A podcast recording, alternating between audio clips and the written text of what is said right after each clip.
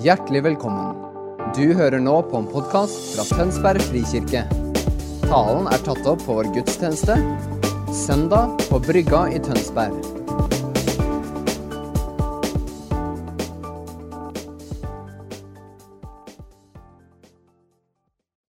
Det er eh, advent, og derav eh, tema for denne dagen. Et nytt nådens år. I begynnelsen av dette semesteret, så, som jo har hatt en overskrift Vi tror på Den hellige ånd. Så tok jeg fram Ja, jeg tenkte kanskje at bildet var der. Det gjør ikke noe. Det har vært tema hele denne høsten. Og jeg tok fram et sitat av Leonard Cohen til å starte med. Når vi begynte å pakke ut denne tematikken. Jeg vet ikke om dere husker det. There's a crack in everything. That's where the light comes in. En nådefull setning som ga mening for meg å starte et semester hvor vi skulle gå nærmere inn på hva det vil si at Den hellige ånd fyller oss, utruster oss og former oss og fornyer oss. For midt i alt det Gud er, og alt det Han gjør, så er det er en djup forankring i menneskelighet i denne setningen fra Cohen. Forrige søndag var en helt fantastisk nydelig familiegudstjeneste. De av dere som var der, er sikkert enig med meg. Og advent var tema. Og med denne med det temaet innledes altså faktisk et nytt kirkeår. Er vi klar over det, alle sammen? Advent innleder det nye kirkeår. Så vi slipper tematikken 'Vi tror på Den hellige ånd', sa den flotte, flotte montasjen som Helen Mørken har hatt hengende, blir tatt ned nå idet vi går inn i adventstida. Skal vi ha adventstematikk disse søndagene fram mot jul? For et nytt tema sammenbærende, sammenbindende tema for hele våren åpnes første søndagen i det nye året. Og de som har litt sånn logikk, har kanskje merka at vi, vi mangler én del av treenigheten for liksom å være fullstendige. Så temaet blir altså til våren 'Vi tror på Gud, vår Far'. Mer om det over på andre sida. Men altså nå, i denne søndagen og søndagene som kommer fram mot jul, adventstematikk. Og en av de store adventstematikkene er nettopp dette med et nytt nådens år fra Herren. Det hører med i enhver form for overgang, enten det er nyttår i kalenderen eller det er nyttår i kirkeåret, en type tilbakeblikk og, og framblikk. Og 2022 har forandra oss som menighet. Vi er ikke det samme fellesskapet vi var da vi starta dette året. Vi har gått gjennom endringer som har kosta. Både på individplan og fellesskapsplan. Og samtidig har vi også fått erfare at Gud kommer nær ved sin ånd. At ungdommer blir frelst på frik. At ungdommers liv blir forvandla på frik. At unge voksne miljø, disippel, vokser i størrelse og trenger nye plasser å være. Ja, midt i alt en erfaring av Guds gode og velsignende nærvær. Ikke som noe ekstraordinært, men ved at han kommer og legger sitt nærvær sitt velsignende nærvær på oss. Så vi hører hans stemme og erfarer at han er sannelig midt iblant oss. Og I lys av det som har vært vandringa vår dette året, gir det også mening å tviste litt på Covens sitat. Så det passer mer med det paulinske perspektivet om skatten i leirkar. Og da kan det høres sånn her ut. I tråd med det vi nettopp sang. There's a crack in everything. That's where the light comes out. Idet vi har litt igjen av 2022, så åpner vi altså med et nytt nådens år. Og vi skal lese sammen. Dere kan slå opp i Bibelen deres i Lukas evangeliet, kapittel 4, og fra vers 14.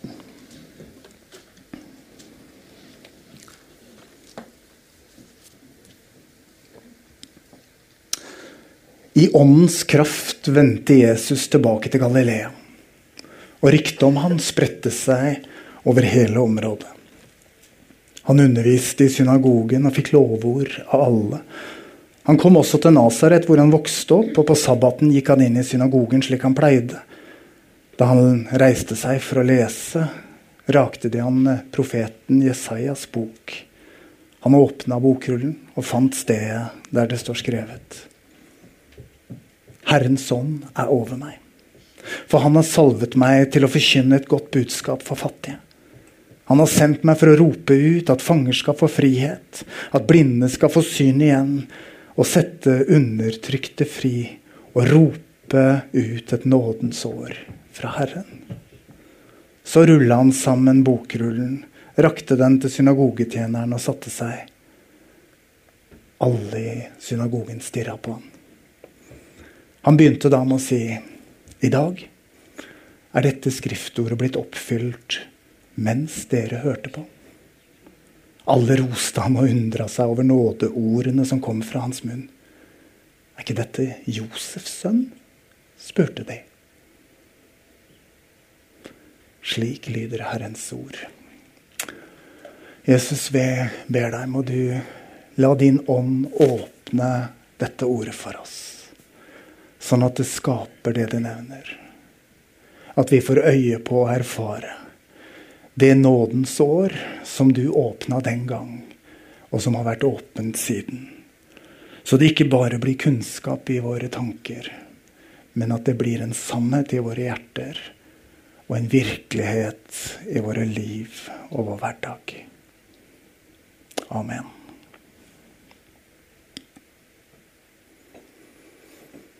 Ellevte februar 1990 settes det et merke i menneskehetens tidslinje. Den dagen blir Nelson Mandela fri, eh, fri, satt fri fra Robben Island. 27 år har han sittet i fangenskap. Uten dom, bare fordi han kjempa for sin overbevisning og sin kamp for å se mørke søramerikanere komme fri eh, av eh, undertrykkelsen som en liten hvit minoritet hadde stått for. Men grunnen til at den datoen blir et punkt på kalenderen for hele menneskeheten, er ikke først og fremst fordi det skjer en frigjøringskamp. Det har skjedd før, og det vil skje igjen.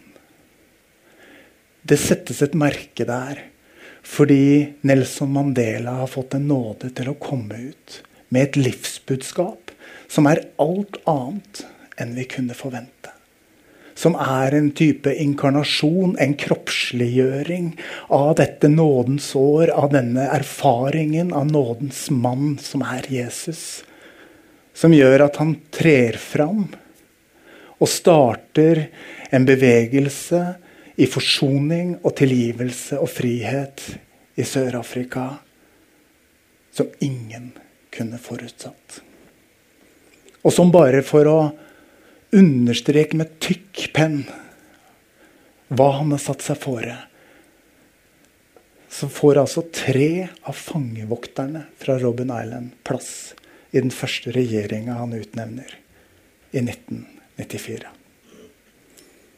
En spektakulær for, eh, erfaring av hvordan nåden Jesus Kristus kan slå ned i et menneske på en måte som gjør at handlingsvalg som menneskelig talt ikke var mulig, allikevel åpner seg. 27 år, han kommer ut med kreft og med redusert helse. Og allikevel fins det ikke anklagelse og fordømmelse, men bare forsoningsvilje, tilgivelse og framtid og håp.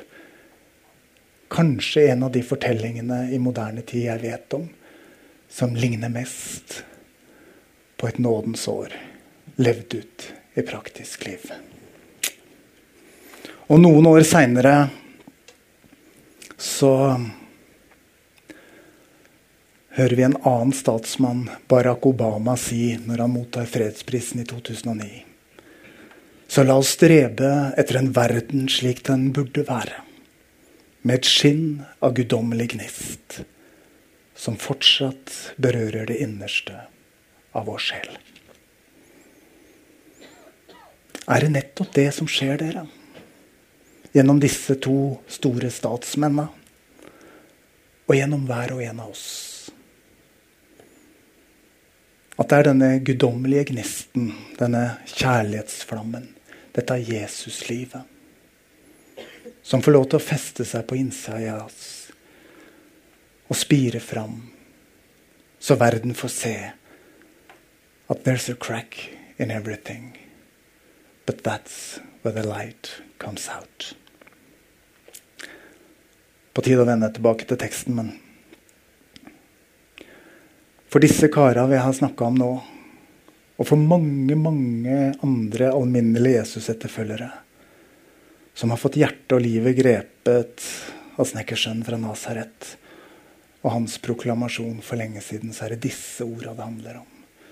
Herrens ånd er over meg. Han har salva meg til å forkynne godt budskap for fattige. Han har sendt meg for å rope ut et nådens sår. At fangerskap få frihet, blinde får syn igjen, sette undertrykte fri. Og så kommer det. Å rope ut et nådens år fra Herren.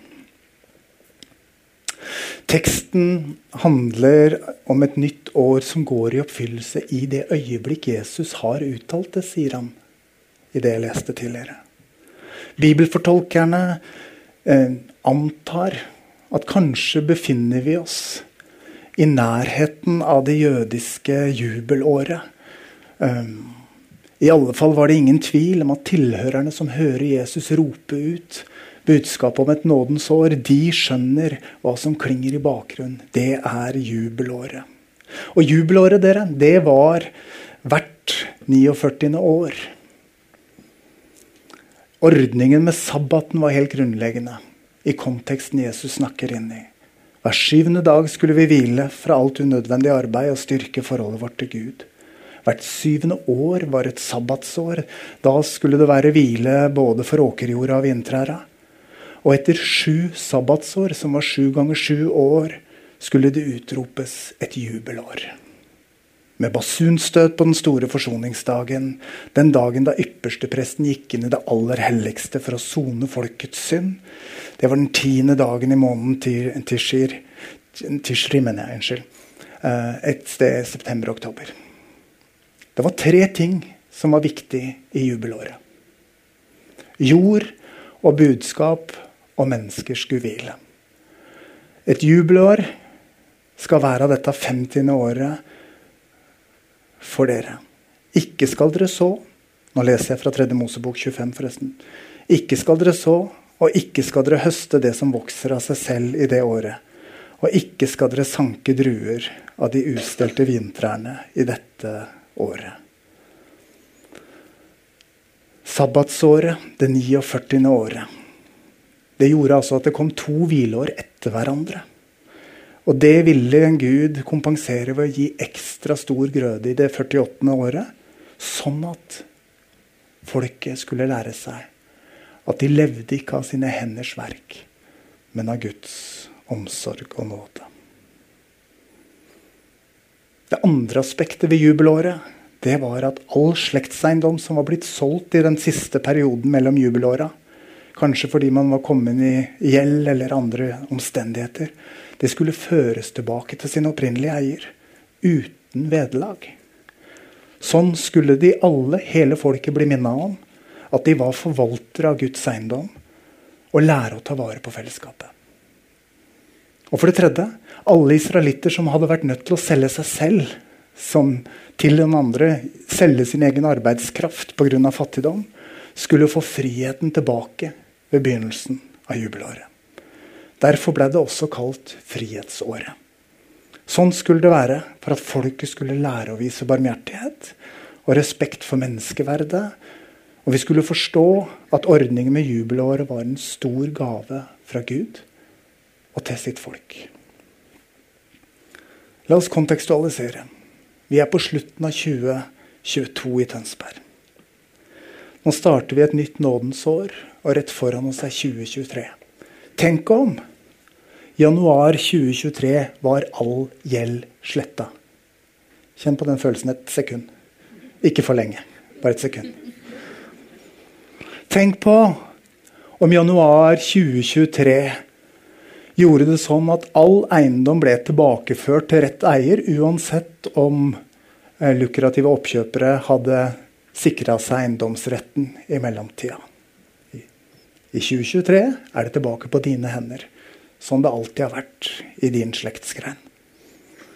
Og i 2023, januar 2023 er det slutt på alt slaveri. All menneskehandel opphører. Og alle får tilbake sin frie status. Det ville vært et jubelår i 2023. Når jeg sier det på den måten, dere, så tipper jeg dere tenker det der er jo for godt til å være sant. Og Her har jeg en krevende oppgave som predikant, men jeg tror Jesus formidler det jeg skal formidle nå, så jeg skal gjøre mitt beste for å formidle det til dere. Et nådens år fra Herren er et enda bedre budskap.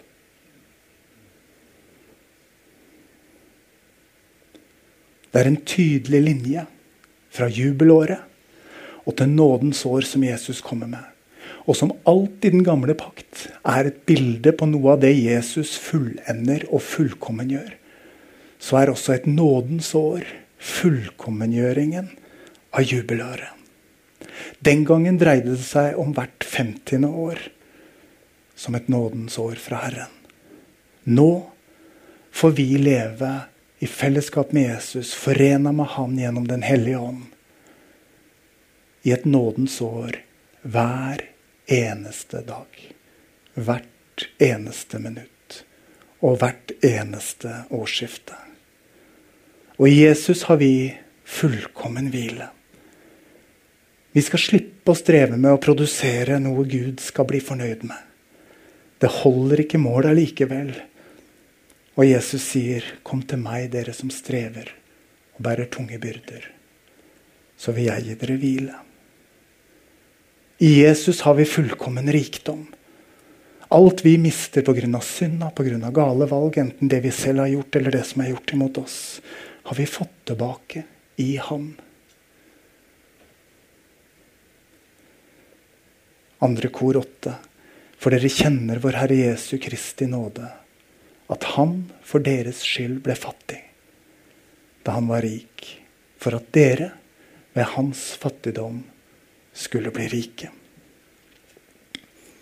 Og i Jesus har vi fullkommen frihet. Han har kjøpt oss fri fra vår grenseløse syndeskyld ved sin død på korset. Han har løst oss fra syndens lenker og bånd og gitt oss seier over mørket og mørkets første. Galaterne 5. Til frihet har Kristus frigjort oss. Jeg satte opp disse tekstene for at vi skal se at alt det jubelåret var, er nådens år.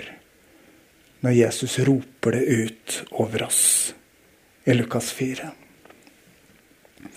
Jeg sa til noen av medarbeiderne her nede at du vet du begynner å bli voksen når du tar med deg en 20 år gammel bok opp og begynner å anbefale den. Denne boka av Philip Eh, redaktøren av Christianity Today gjennom en årrekke. Kom ut i år 2000. Men fremdeles så mener jeg at denne boka mangler sidestykke. I å nærme seg det grensesprengende i Guds nåde gitt oss gjennom Jesus Kristus. Jeg hadde lyst til å ta den opp. De av dere som er gamle nok til å ha den i bokhylla, finn fram og les den. Dere andre, den kommer billig som paperback-utgave og er fremdeles verdt å lese. Det han nailer og beskriver på en eminent måte, er det urimelige, det umenneskelige og det guddommelige i nåden. Det at det finnes tilgivelse, ingen fordømmelse for deg som tror. At du er forsona med Gud mens du enda står i det som du burde ha gjort annerledes og bedre. På grunn av nåden Jesus Kristus. Dette er totalt urimelig for den menneskelige tanken, og allikevel helt fullstendig sant. Som en gave til oss i nådens år. Å holde fast på hatet er å velge sitt eget fangenskap, sier Jensi. Det var det Nelson Mandela viste oss at han var fri fra. Nelson Mandela hadde sittet innelåst i 27 år, men han hadde aldri vært fanget. Fordi han eide denne friheten. Å velge kjærlighet og velge tilgivelse er veien til frihet. Og vi klarer ikke det selv. Og jeg tror noe av invitasjonen i denne dagen er ikke bare å bære sine egne synder til korset, men også våre sår. Og vår mangel på kjærlighet, vår skuffethet, vårt sinne og vår uforsonlighet. Hva enn det måtte være. Fordi Jesus kan gjøre med det det vi ikke får til selv. Helt avslutningsvis. Nåden er mye mer enn den veldig forenkla tilnærmingen Ikke forenkla, unnskyld, det er feil uttrykk. Jeg tar det tilbake. Men den vektleggingen som er litt ensidig, som vi i vår tradisjon har hatt. At nåden sletter ut vår synd og skyld og gir oss adgang på tro og håp om evig liv. Det er så sant. Men nådens sannhet er mye større enn det. Så med fare for å høres ut som et oppgraderingsprogram, så har jeg lyst til bare avslutningsvis å ta dere inn i nåden 1.0, 2.0, 3.0 og 4.0. Nåden 1.0 er å tro at vi er tilgitt. Alt er sletta ut pga. ett fullkomment offer i Jesus Kristus en gang for alle. Og om du vil anføre den lille Bibel, eller Hebreerne 10,14, hvor det står For ved ett en, en eneste offergave har han for alltid gjort dem de hellige fullkomne. Unnskyld. Gjort dem som helliges fullkomne. Å tro det, å ta imot det, det er nåden 1-0. Nåden 2-0, dere, det er å få ta imot evnen til å tilgi seg selv. Etter mange og 20 år som prest og sjelesørger så er det mange erfaringer jeg har møtt. At det er noe av det vanskelige. Ja, jeg tror Gud har tilgitt meg. Men jeg driver fortsatt og slår meg sjøl på ryggen. Hardt og ofte. Det er med nåden og tilgivelsen deres som i kjærligheten. Jesus lærer oss det i Matteus 22. Det dobbelte kjærlighetsbudet som ikke burde hett det dobbelte kjærlighetsbudet, men det tredobbelte. Du skal elske Herren din Gud av hele ditt hjerte og hele din sjel og all din kraft og all din forstand, og de neste som deg selv. Nivået på vår evne til å elske andre settes ved vår evne til å elske oss selv. Vår, nivået på vår evne til å tilgi andre settes der vi selv har nivået satt på å tilgi oss selv. Vi kan tro at Herren er Gud, at Herren er forsona med oss. Men vi strever fra tid til annen med å tilgi oss selv og sette vårt eget hjerte fri. Nåden 3.0 er å la tilgivelsen, nådestrømmen fra himmelen, strømme gjennom oss og til andre. Så det ikke stopper opp i vår uvilje til å tilgi, men flyter raust gjennom våre liv og familier og kirker. Matteus 18 er det viktige bibelske perspektivet på det. Og så til slutt nåden 4.0. Og la nåden være en skapende kraft som former livet vårt i tråd med Hans vilje for oss. Første kor 10. Jeg har lov til alt, men ikke alt gagner. Titus 2,12. Hans nåde oppdrar oss til å si nei til, ugudelig, til ugudeligheten og de verdslige lystne. Og leve i selvtukt, rettferd og gudsfrykt i den verden som nå er. Jeg skal avslutte, og lovsangstimen kan komme opp. Jesus roper ut over oss gjennom sitt ord i dag. Et nytt nådens år for deg. For din familie. For oss, for vår kirke. Og for en hel verden. Det er gode nyheter som vi kan få lov til å ta imot. Så idet lovsangstimen begynner å spille, hva trenger du? Hva kjenner du behov for? Hva er det virkeligheten av et nådens år kan gjøre for deg? Kanskje trenger du frihet fra synd og skyld som stadig gjør seg gjeldende, og som synes å ikke ville slippe taket. Jesus har ny nåde for deg. Kanskje trenger du å tilgi deg selv for å komme ut av det fangenskapet som selvanklagen er. Jesus har ny nåde for deg. Kanskje trenger du en ny fylde av hans kjærlighet for å bli i stand til å tilgi de som har forvolda noe mot deg. Så du kan komme ut i den friheten nådeåret og nådeårets herre inviterer deg til. Eller kanskje ønsker du at nåden ikke bare skal slette ut og gjøre nytt, men faktisk forme og skape livet ditt i tråd med hans vilje og intensjon for deg. I så fall Jesus har ny nåde for deg.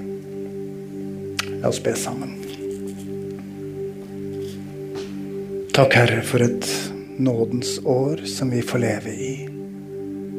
År etter år etter år. Ha din vei i oss, mellom oss og gjennom oss. Så nådens år og nådens virkning blir synlig, tydelig og erfarbar. Til ære for deg, Jesus, og til velsignelse for oss og mange. Amen.